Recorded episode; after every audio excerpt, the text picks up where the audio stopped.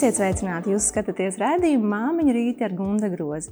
Šodien pie manis viesos Daina Kājiņa, trīs bērnu mamma, privātas skolas kreakīts vadītāja un Latvijas privāto pirmsskolu biedrības valdes priekšsēdētāja. Sveika, Daina! Sveiki! Šodien mēs runāsim pār un ap tēmu bērndārzi. Māmas glābiņš vai izaicinājums? Jā, mēs, mēs abas esam mammas un, un zinām, cik tas viss nav vienkārši ar saistībā gan ar bērngārzos notiekošo, gan arī kā visu organizēt to dzīvi, lai viss izdodas veiksmīgi bērnam bērngārzā. Un pirmais man jautājums ir par to, kā mammai pašai saprast, skatoties uz savu bērnu, vai viņš jau ir gatavs bērngārzam. Es droši vien teikšu, ja māma ir gatava bērnu dārzam, tad Oho. arī bērns ir gatavs bērnu dārzam. Jo, ja mēs skatāmies uz bērnu dārza glābiņu vai iespēju, tad tā, nu, es pat gribētu pārfrāzēt un teikt, tā ir realitāte. Mm -hmm. Jo vienam no vecākiem ir bērnu kopšanas atvaļinājums, un viņš ir limitēts. Protams, viņš Latvijā ir ļoti garš salīdzinot ar to pašu Skandināviju. Vai Ameriku? Vai ne? Divas nedēļas. Jā, un tā ir iespēja. Un tā ir iespēja iet uz bērnu dārzu. Nu, varbūt ir mazliet sarežģīta situācija, ja viņš nav tik viegli pieejams, tas, ko mēs vēlamies. Bet nu, es domāju, pēdējos gados šis jautājums diezgan dinamiski risinās, un gan jau, drīz būs tāda diena, kā ir Skandināvijā, kad vecāki brīvi izvēlas bērnu dārzu. Nevis kur ir brīva vietiņa, tur mēs skrienam pāri Jā. visai pilsētai. Nē, nu, protams, viss sarežģītāk tas ir Rīgā, cik es saprotu. Rīga un Pierīga, protams. Mm -hmm, mm -hmm. Jā, tad, tad mammai vispirms jāparunājas pašai ar sevi. Jā, manuprāt, ļoti svarīgi, kāda ir mammai un tētim pašiem pieredze ar bērnu dārzu. Cik kādas ir atmiņas mm. pozitīvas, vai ir kaut, kādas, nu, kaut kāda iebilduma, nepatīk pret bērnu dārzu. Bērndārza izvēlē, lai arī ir rindas, tāpat jau izvēle notiek bērnam piedzimstot, reģistrējot viņu rindā, vai nu pašvaldības vai privātajā bērndārzā. Tā tomēr ir izvēles iespēja. Un pieņemt to nevis kā vienīgo risinājumu, bet kā vislabāko risinājumu. Es esmu arī redzējusi, kad mans dēls uzsāka dārziņa gaitas, kā tas ir, kad bērni ārkārtīgi raud un raud gan arī mēnesi pēc kārtas. Un, un es sev jautāju, ja es būtu mamma, vai es spētu to izturēt. Un kas bija interesanti, ka tas puisītis, kurš tik ļoti, ļoti raudāja, pēc kāda laika, pagāja pusgads, un es redzu, viņš ir tik priecīgs, viņš ir tā iejuties. Bet droši vien tajā sākuma posmā mamma varētu uzdot sev jautājumu, varbūt viņš nav gatavs, ja viņš tā raud. Kā to vispār var izvērtēt? Jā, nu ļoti svarīgi ir bērngārzā ļoti apzināti un um, kvalitatīvi organizēt adaptācijas laiku. Arī šajos sarežģītajos laikos meklēt to risinājumu, lai māma jūtas emocionāli droši, un līdz ar to arī bērns jūties droši. Un adaptācijas laiks, protams, ir ļoti daudz teorijas. Viņš var ilgt līdz pusgadam, un viņas var būt ļoti dažādas. Un varbūt nevienmēr skaļi raudošais bērns visvairāk pārdzīvos, kā varbūt bērns, kurš neraud un iekšēji pārdzīvo. Nu, katram tas ir ļoti individuāli. Man pašai ir trīs bērni. Vecums kāds? Meitai 21, un dēliem ir 14 un 12. Un man pat jāatzīst, ka ar, lai es arī strādāju bērngārzā, es arī savu vecāko meitu nepalaidu dārzā no pusotra gada vecuma. Es sapratu, ka viņai būs vēl viens gads ar auklīti daudz produktīvāks, un viņi sāk dārzā iet no trim gadiem. Ar otro bērnu es darīju līdzīgi, bet trešais bērns aizgāja pusotra gada vecumā uz bērngārzu neatskatoties. Tātad ļoti individuāli. Ļoti individuāli. Pat vienā ģimenē tas var būt ļoti individuāli, un galvenais ir iespēja. Man uzreiz gribas teikt kādu piemēru, un arī man pašai kā es teicu, piedzimstot trešam bērnam, likās, ka visas uh, lietas ar visu bērnu dzīvi ir nu, daudz vienkāršāk, saprotamāk. Bet esmu satikusi māmas, kurām ir otrādi, varbūt pat trešo bērnu ir grūtāk palaist bērnu dārzā. Un tad, kad mamma saka, man nav iespēja, šī ir vienīgais variants vest uz bērnu dārzu, un ir tāda mazliet tāda moku, nu, moku pilna sajūta vai tāds izmisums, tad uh, un tas nestrādā, un bērnam ir grūti adaptēties, un mammai ir grūti palaist bērnu, tad ar viņu aprunāties un pasakot, bet jums ir izvēles iespēja. Jūs varat iet prom no darba, palikt kopā mājās ar bērnu. Jūs varat meklēt auklīti, jūs, jūs varat nākt uz bērnu dārzu. Un tad, kad mēs apzināmies, ka ir šīs izvēles, tad, protams, mēs pieņemam labāko savam bērnam. Tas nav tāds sliktais stāsts. Tagad mēs iesim uz bērnu dārzu. Noteikti nē. Noteikti nē. Mēs ejam ar prieku uz bērnu dārzu. Un kas ir tie faktori, kam ir jāsakrīt, uh, lai bērns ietver prieku uz bērnu dārzu? Kas ir jūsu novērojums? Nu, uh, tas, ko es saku bērnu dārzā vecākiem, ka mēs kopīgi, mēs bērnu dārza darbinieki un vecāki esam atbildīgi par laimīgu bērnu bērnību. Un man liekas, no šī uzaicinājuma, no šī priekšlikuma ļoti daudz izrieta tieši tā pārliecība par to, ka pirmkārt vecākiem pašiem ir jāpieņem bērnu dārzs. Un, ja mēs mājās runāsim labi par bērnu dārzu, un, ja, protams, ja gadīsies kādi pārpratumi vai sarežģījumi, mēs viņus risināsim konstruktīvi, uzreiz runāsim ar skolotāju, nevis no ar kaimiņiem vai citiem radiem. Es domāju, ka mēs visi apkārtējie pieaugušie radīsim bērnam ļoti labu mikroklimatu. Un tad, protams, bērnu diena ir piepildīta ar ļoti interesantām aktivitātēm, kas ir atbilstoši viņa vecumam. Viņš satiksies ar saviem vienaudžiem, un es domāju, ka tas viss ir, tas ir labvēlīgs ceļš, lai bērns justos labi. Protams, ir bērni, ko varbūt arī pat um, ģimenes ārsts pasakā, ka viņš nav bērndārs bērns. Tā mēdz būt, bet es domāju, tas procents ir ļoti maziņš uz kopējā fona. Un kas tie ir par bērniem, kuri nav, jo viņi tad ir skolas bērni, viņi jebkurā gadījumā? Protams, viņiem varbūt šī vienaudža vide nāks varbūt trīs gados, četros, piecos. Tas ir mm -hmm. iespējams variants. Un, nu, es domāju, kas, kas varētu būt tie indikātori. Nu, tiešām, ja adaptācijas periods ieilgs ļoti ilgs, un tiešām tas ir smagi. Uh, ja bērnam parādās biežas slimošanas. Es domāju, atkal ir ļoti daudz komponentu, kurus būtu jāizvērtē un jāskatās tādā kopveselumā. Un, protams, arī ar pašu māmas pārliecību par to. Nu, lai nav tās šaubas, vai es savu bērnu nelodu pāri, bet es saku, šis procents ir ļoti mazs. Mm -hmm. Jā, šīs šaubas, vai es nenodaru savam bērnam pāri, es viņu atstāju svešiem cilvēkiem, tikko mēs bijām divi kopā. Uh, Bet gribas paskatīties uz to no otras puses, cik daudz bērndārs bērnam var dot. Ja? Tā nav tikai bērna pieskatīšana, ja? lai viņš to nedodara pāri un kaut kāda pabarošana. Ja? Bērndārs bērnam dod ļoti daudz, var mm dot katrā ziņā labs dārziņš. Kā jūs to komentējat par šiem bonusiem? Es piekrītu, es piekrītu, un uh, droši vien jāsaka mammai padomāt par to savu vainas sajūtu. Un ar to es diezgan bieži arī saskaros, kad uh, Nu, kad, teiksim, tur mammai māma vai varbūt tēta māma saka, kā viņi tik maziņu uz dārziņu laidīs. Bet ir jāapstāsta ļoti racionāli šo jautājumu. Ir jāatgriež darbā. Un bērns pusotrā gadā var ļoti labi adaptēties bērngārzā un uzsākt šīs gaitas. Un arī es vērojot kaut vai no Ziemassvētku priekšnesumus vai Ziemassvētkus, kā bērniem, kā tiek organizēti arī šiem mazulīšiem, viennozīmīgs ir teikt, ka viņi ir ieguvēji. Viņi socializējās, viņi atrod savus draugus, viņu diena ir ļoti piepildīta ar dažādām aktivitātēm. Un viņiem klājās ļoti labi. Un, protams, ir svarīgi arī, lai mammai un tētim mēs varētu dot tādu mieru un drošības sajūtu, kā bērns pasniedz savas ikdienas aktivitātes. Piemēram, mums ir slēgtā interneta vietnē šīs fotogrāfijas, iespējams, dienas laikā apskatīties. Un tas arī rada tādu pozitīvu dialogu, savstarpējo uzticēšanos. Un tad arī, man liekas, vecākiem rodas daudz lielāka pārliecība, ka šis lēmums tiešām ir bijis labākais. Mēs arī aizkulisēs pirms tam runājām par to, ka mums ir palicis arī tāds padomju laika mantojums, atmiņas par bērnu dārzu, kas bieži vien nav pozitīvas. Ja? Mm -hmm. Vai man pašai arī ir atmiņas par tādām diezgan audzinātājām, kuras es neatceros ar, ar labām atmiņām. Šodien ir mums mainījies priekšstats, kas var būt notikt, kas var notikt bērngārzā un kas nav normāli, ja tas notiek bērngārzā.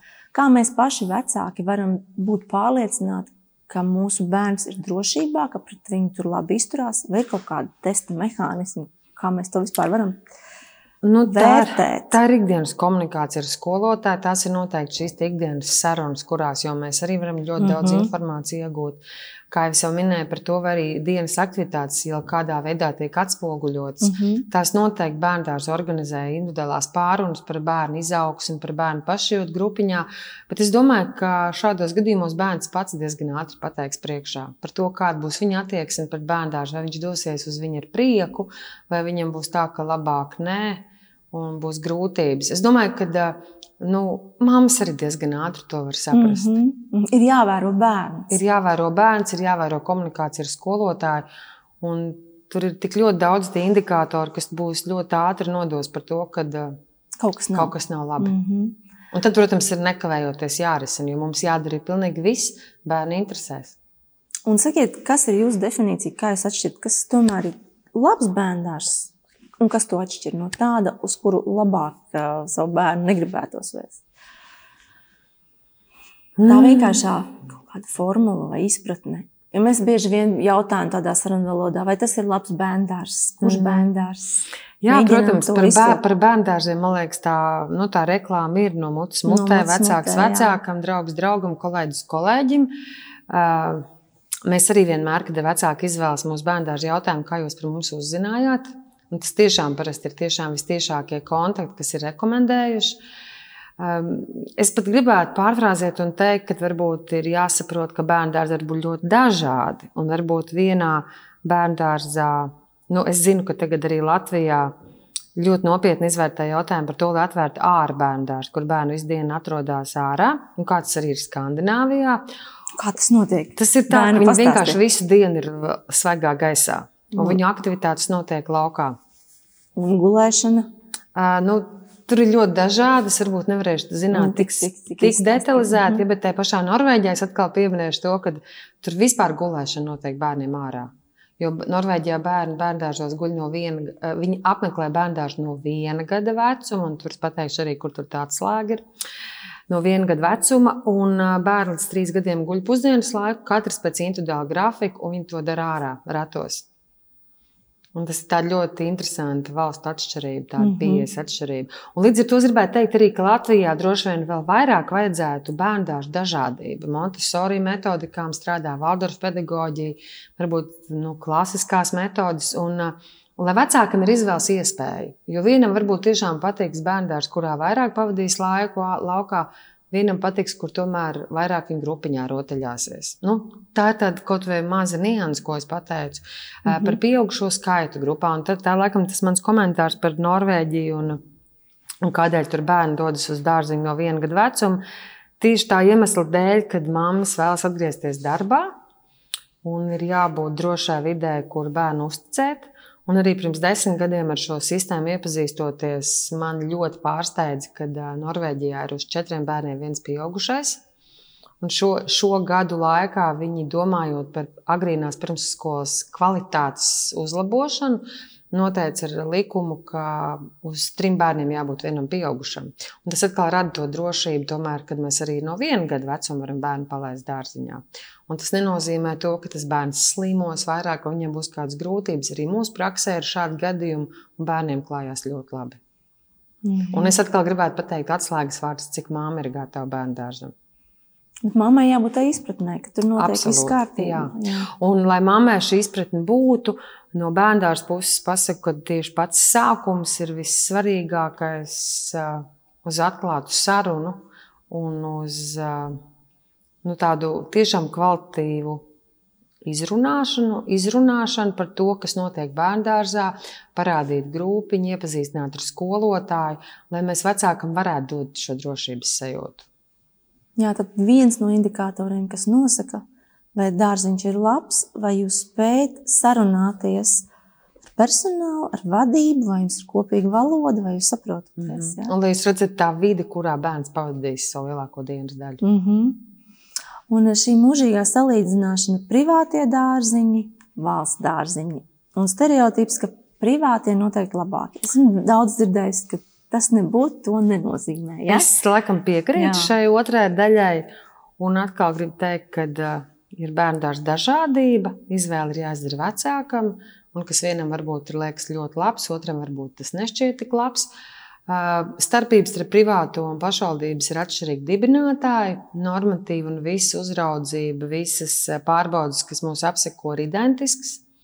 Nu, atšķirās finansējums, jo šis pašvaldības nenosedz visu to, kādas ir patiesās izmaksas. Par to, vai ir labāki, es droši vien teiktu, ka tas ir katra paša ģimenes ziņā izvērtēt. Mm -hmm. Un kam, kam pievērš arī to lielāku uzmanību? Jā. Uh, reizēm arī ir, ir kontakts vairāk ar uh, valsts dārzeņa audzinātāju, mīļāka. Jā. Jā. Tas ir Mhm. arī ļoti, ļoti individuāli katrā gadījumā. Jā, un sakiet, šis mums visiem tāds sarežģīts laiks, protams, saistībā ar šo Covid situāciju. un Pirmsskolās tas ir jo īpašs izaicinājums. Jums jau arī jau otrais gads iet. Kāda ir jūsu novērojuma par visu notiekošo un kas ir tas galvenais, nu, nezinu, tie spēka vārdi, ko gribas mamām pateikt? Jā, laiks ir bijis izaicinošs no pirmās dienas. Es burtiski atceros, jā, tas bija gan arī pirms gada, jā, kad, kad Pat vairāk, ja no jā, marta. À, jā, bet jā. mums pilnīgi aizvēra. Tas bija pirms gada. Jā, atceros, jā bet arī pirmajā Covid vilnī bija tā, ka tad bija tik ļoti daudz nezināmie. Mm -hmm. Un tad mēs strādājām dežūrgrupu režīmā. Pēc tam mums bija prasība strādāt pēc burbuļu principa, lai grupas jā. nekrustotos. Un mēs tiešām to visu atbildīgi ievērojam un sekojam. Es arī piedalos ļoti daudz darba grupās, kur tieši šie kriteriji tiek izvirzīti. Un varbūt kādreiz, ja kāds nav ar bērnu pieredzi, darbu bērngārzā pieredzi, teiksim, tajā darba grupā, tad arī es cenšos pārliecināt, kas ir reāli un nav reāli bērngārzā ievērot. Un, uh, ir ļoti svarīgi tam sekot līdzi, lai mēs tiešām nu, mazinātu šo saslimstību valstī. Bet uh, tas, ko es laikam varētu teikt, kas ir tie spēku vārdi, kad nevajag meklēt problēmas, vajag meklēt risinājumus. Un katrai lietai ir risinājums. Mm -hmm. Tas jāatcerās. Tas ir jāatcerās. Jā. Un bērnās ir tā vide, kas var radīt ļoti daudz pozitīvas emocijas vecākiem, jo mēs esam par šo laiku iemācījušies arī dažādas aktivitātes, attālināt, organizēt. Vecākiem sniegt pārsteigumus, vecāki bērniem. Nu, kaut vai vienas minēšu, mūsu bērns bija ir projām piekopta tāda tradīcija, kad bērnu izlaidumos vecāks sniedz priekšnesums. Un, ja tas sākumā bija klātienē un visiem bija liela sajūsma, tad vecāki arī atrada iespēju to darīt attālināti, filmējot video un vecā, bērniem rādot ar izlaidumu priekšnesumus, translējot video. Un tas viss ir darāms. Galvenais ir meklēt iespējas un risinājumus. Mm -hmm. Un vēl arī, diemžēl, bez visa šī covid ir arī parastie vīrusi, ja tā to var nosaukt. Mm -hmm. Bērni ļoti slimo sevišķi šajā rudenī, -hmm. un to izjūt bērndārzu, bērndārzu vidē arī ārkārtīgi. Kas ir tas, ko mums arī gribas pateikt mamām par šo mūžīgo slimošanu bērndārzā? Kas tomēr ir jāņem vērā? Jā, to es varētu pateikt, ka pagājušajā rudenī, ievērojot visas šīs higiēnas prasības, ko mums nosaka šie covid noteikumi, mēs vērojām, varētu pat teikt, ka bērni neslimoja ar citām papildus infekcijām. Un bija ļoti labs apmeklējums. Tad šis rudens ir atšķirīgs. Jautājums aktuāls būs vienmēr, kamēr būs bērnu dārza, un katru gadu ir jauni vecāki, viņiem šis sāks no jauna. Mums, kā bērnam, uz to ir jāspēj reaģēt ļoti adekvāti ar izpratni. Un, protams, arī atkal meklēt risinājumus. Pirmais ir ļoti svarīgi, ar ko ir jāsāk. Ir jādomā par savu bērnu imunitāti. Diezgan bieži mēs meklējam, ka kāds cits ir vainīgs, jo mans bērns ir saslims. Bet tas atkal ir tāds kopdarbs, un es laikam varētu pat dalīties ar tādu ļoti pozitīvu pieredzi, kuru mēs esam mēģinājuši, no kura mums ir bijusi, un mēs viņu turpināsim arī veikt. Ja šis jautājums ir ļoti augstu kulmināciju sasniedzis, un vecāki tiešām jau savā starpā sāk jau strīdēties, kāds tad bērns drīkst nākt uz dārziņu, savukārt bērndārs nostāja tas, ka uz bērndārs nāk veseli bērni. Un tad, protams, pastāv uh, alerģiskās iesnas un uh, klēpus, kurš nav lipīgs, un tās ir pēdējās dienas. Un tad kādam šķiet, ka bērnam veselam vēl būtu jābūt nedēļu mājās, bet ģimenes ārsts to neatzīst. Un šīs situācijas ļoti daudz. Tad mēs praktizējam uh, to, ka grupiņā mēs pieaicinām pediatra rezidentu doktoru Ievu Šlēziņu, kur tad arī seminārā kopīgi, kur mēs visi esam pie, varētu teikt, pie viena galda vai tagad vienā Zoom platformā un kārtīgi šo jautājumu izrunājam, izdiskutējam, katrs pasakām savu sāpju, dzirdam otru cilvēku viedokli, un diezgan, diezgan viegli vecāki nonāk pie ļoti laba kompromisa. Tiešām par lietām vienojās. Tas līdzīgi tāpat kā bērngāžā, ja sāks arī grupiņā, nu, piemēram, kaut kādi komunikācijas sarežģījumi starp bērniem, un ja katrs individuāli ies pie sava psihologa, meklēs atbalstu, diezgan bieži visi nu, ēnas tiks mestas uz bērnu dārzu. Bet, ja mēs šos visus sarežģījumus risināsim bērnu dārza ietvarā, tieši grupas ietvarā, rezultāti būs nesalīdzināmi labāki. Un tas tieši pats ir ar bērnu slimošanām. Galvenais ir atklāt par to runāt, runāt par sevi, runāt par risinājumiem. Tie risinājumi arī ļoti dažādi. Nu, ko var grupiņā kopīgi darīt? Protams, šī pastiprināta telpu vēdināšana un nepiekrītu speciālai gaisa attīrītāju lampām, piemēram, jo tai vidē ir jābūt pietiekami dabiskai, kurā bērns aug. Viņš ar vīrusiem sastopās, un ir daudz vīrusu, par kuriem, nu, piemēram, es varu teikt par vēbakām, ja viņas ir lipīgas pirms divas dienas, pirms parādās simptomi. Tas nozīmē, to, ka mēs to bērnu pilnīgi izolēt un pasargāt nevaram. Bet tas, ko mēs varam darīt, mēs varam domāt vairāk par imunitāti un zin, dažādas aktivitātes, kad ir ķiplo krēsls, tiek gatavots bērnu dārzā, un kad bērni paši ar par to runā. Par savu pašsajūtu, par to, kā tas ir, ka bērns ir slims. Nu, tie ir tie risinājumi visiem kopīgi, iekļaujot pat jāsaka, tajā ikdienas visā bērnu programmā, varam lieliski. Man šķiet, daļa no jūsu darba ir veiksmīga komunikācija un konfliktu risināšana. Tas ir pamatā. Vai ne? Tas ir pamatā. Komunikācija un tiešām apliecinot to, ka mēs darbu darām pēc vislabākās sirdsapziņas. Un, um, un aicinam arī vecākiem būt atklātiem, tiešiem. Un tad, ja mēs runājam un risinām, tad uh, nu, Es nedomāju, ka ir kāds jautājums, ko, var, nu, ko var, nevar atrisināt. Jā, ko nevar atrisināt. Vispār darbs ar bērniem, nu, sevišķi arī bērnu dārzā, tas ir vispār pirmkārt jau aicinājums. Jā. Viennozīmīgi. Uh, tas ir grūts darbs, bet tas ir uh, sirds darbs. Kādēļ jums patīk, neskatoties uz visiem izaicinājumiem, neskatoties uz visām ārkārtas situācijām un arī konfliktiem, kas gadās ik pa laikam, kādēļ jūs, jums joprojām ir dzēts strādājot šajā vidē un šajā jomā? Nu, es domāju, ka tas ir mans. Tas ir mans. Es, protams, esmu nu, mainījusi darbu, bet tas ir bijis tikai, tikai ar pirmsskolu saistīts teiksim, nozari no pašvaldības bērnu dārza uz privāto. Tagad es strādāju starptautiskā vidē. Un es gribētu teikt, ka visi šie izaicinājumi, ar kuriem mēs, nu, ar kuriem mēs veiksmīgi tiekam galā, jau tikai stiprina mūsu profesionalitāti. Un, ja es saku, ka tas man ir jauns profesionāls izaicinājums, patiesībā sakot, tas jau ir gandarījums par to, ka es ar šo tikšu galā. Man ir vienkārši viens kolosāls piemērs, kas man ļoti iedvesmoja. Viena skolotāja, kura arī savā praksē saskārās ar diezgan daudz izaicinājumiem, dažādām situācijām, ar iekļaujošo izglītību, ar bērnu uzvedību. Un viņš šos jautājumus teiksim, veiksmīgi atrisināja. Viņiem vienmēr bija risinājums, un visa grupa palika kopā, un visi diezgan ātri aizmirst tās problēmas.